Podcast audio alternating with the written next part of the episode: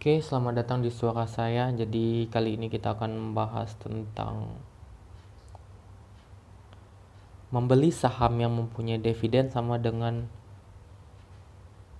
membeli sawah dan akan berbuah di tiap musimnya.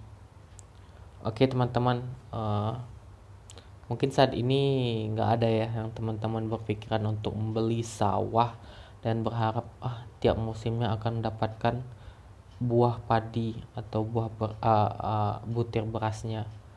Karena teman-teman pasti nggak akan ada yang ingin bertani ataupun mengolah uh, sawah karena terlalu ribet dan itu biasanya orang-orang di pedesaan.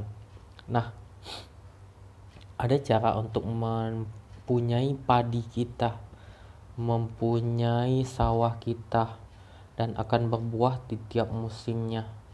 Apa itu? Saham jadi saham itu oh, saya analogikan sebagai sawah. Eh, uh, saham itu saya analogikan dengan sawah. Kenapa? Sawah bisa berbuah 3, 2, 1 dalam setahun. Bisa tiga kali dalam setahun, dua kali dalam setahun, dan satu kali dalam setahun. Tergantung di mana lokasinya dan bagaimana curah hujannya. Saham juga seperti itu dia bisa membagi dividennya dua kali dalam setahun satu kali dalam setahun tiga kali nggak ada ya? Oke tiga kali nggak ada.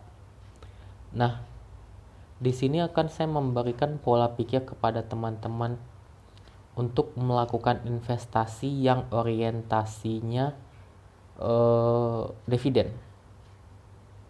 Dengan memfokuskan dividen teman-teman sama dengan membeli sawah sawah jarang kalau uh, orang-orang di desa sana menjual kecuali butuh uang. Mereka berharap dengan adanya sawah mereka tidak akan membeli beras lagi. Sama juga teman-teman punya saham, uangnya nanti beli padi, beli beras. Sama aja. Oke. Dari situ paham ya. Nah, dari situ kita paham bahwa dividen bisa memberikan imbal hasil kepada kita dari saham. Sama halnya dengan buah padi dan beras, butir beras yang kita dapatkan.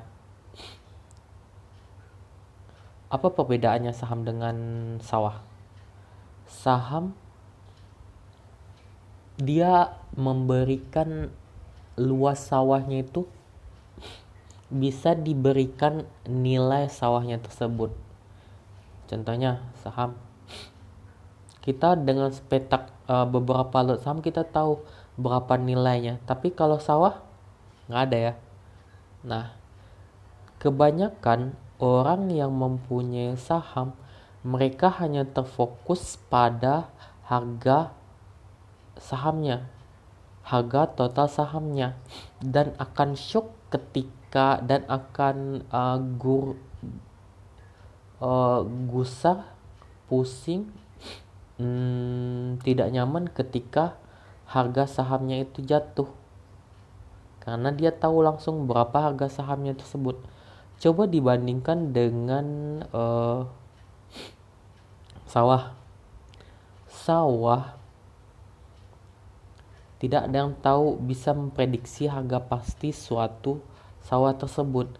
Orang hanya berpikir bagaimana cara menghitung buahnya, berapa banyak karung padi yang akan diterima, berapa banyak karung beras yang akan diterima. Nah, karena itu orang hanya berorientasi pada harga sawahnya, harga sahamnya, tidak berorientasi kepada dividennya. Makanya itu kita gak gus orang yang punya saham akan gusar. Nah, sampai situ paham ya? Oke, lanjut. Kita bandingkan antara saham dengan sawah. Sorry. Saham hanya dibiarkan, tidak diapa-apain, hanya dipantau, hanya kan dilihat beritanya saja. Cukup. Dan ketika musimnya tiba, akan mendapatkan dividen. sedangkan sawah untuk mendapatkan sebuah butir padi, butir beras harus melakukan usaha kegiatan untuk mendapatkan beras tersebut. Awalnya sawahnya dibersihkan dari rumput-rumput, kemudian dibajak, kemudian ditanam, kemudian diberi pupuk, kemudian dirawat, dipelihara. Ketika musimnya akan berbuah dan musimnya siap dipanen, di dipisahkan antara daun dengan buahnya, dipisahkan uh, dari kulit buahnya menjadi beras. Pusing, berat. Tapi itulah perbedaannya antara saham dengan uh, sawah. Nah, dari situ teman-teman harus uh, pertimbangkan lagi. Kita nggak mungkin akan beli sawah di zaman sekarang ini dan kita nggak tahu mau beli sawah ke mana mungkin kalau untuk orang yang tinggal di desa kita tahu beli sawahnya di mana kita di kota mau beli sawah di mana nah itu yang akan saya uh, edukasi ke teman-teman lagi bahwa saham itu menjanjikan. Yang penting teman-teman tahu sih gimana cara belinya gimana seninya dan gimana uh, bisa bertahan, bisa survive, bisa mengerti apa itu saham, bagaimana uh, caranya, bagaimana cara belinya, bagaimana ilmunya.